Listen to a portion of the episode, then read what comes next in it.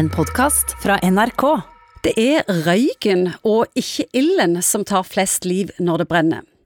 Og heldigvis har antall omkomne i brann gått nedover de siste årene, men mange får likevel røykskader. Doktor Munkvik, hva er en røykskade egentlig? En røykskade er vel tre ting. Du er i en brann nå, sant? Det er Ja. ikke, du, er ikke, du røyker ikke en sigarett. Nei. Nei. Nei, da er det varmen som gir brannskader til luftveiene, akkurat som det hadde gjort til, til huden. Du har kjemiske skader, som er den inhalerte partikkelen i røyken som kan gi reaksjoner i luftveiene. Og så har du eh, gassen du puster inn, som kan være eh, skadelig. Hva er mest klassisk? Hva ser en oftest?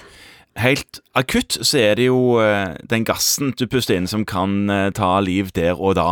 Selv i relativt små branner så kan en få sånn karbonmonoksid-frislipp fra det som brenner, og inhalerer nok av det, så tar det plassen til oksygen, og da blir en rett og slett kvalt.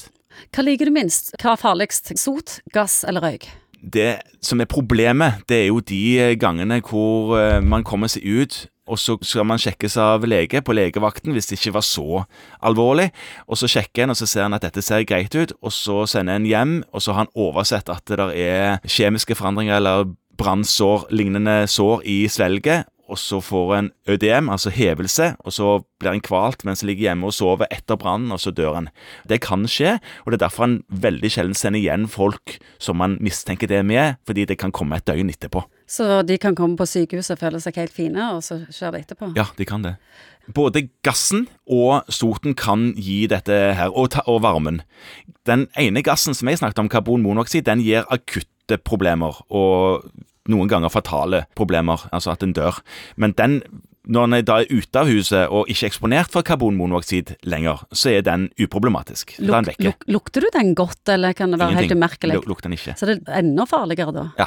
Eh, Hvordan behandler dere en som kommer inn eh, med brannskader eh, av farlig røyk, eller gass, eller sot? Man, ja, sant. De hoster og harker og spytter opp, og så må en eh, ofte gjøre spesielle undersøkelser som en gjør på lungeavdeling eller øre-nese-hals-avdelinger, hvor en sjekker for brannskader i svelg og øvre luftveier ved å kikke ned rett og slett med et, eh, med et skop som undersøker det. Om der ser han om en har sot og partikler som sitter i luftveiene, om de har blemmer som tyder på at de begynner å få brannsår og sånne ting, nedover eh, sånn som det.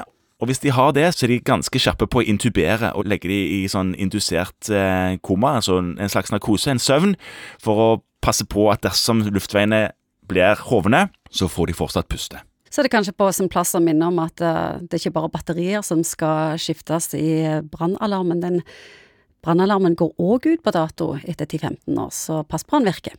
Ja, sier du det? Det må jeg huske. Du har hørt en podkast fra NRK. Hør flere podkaster og din NRK-kanal i appen NRK Radio.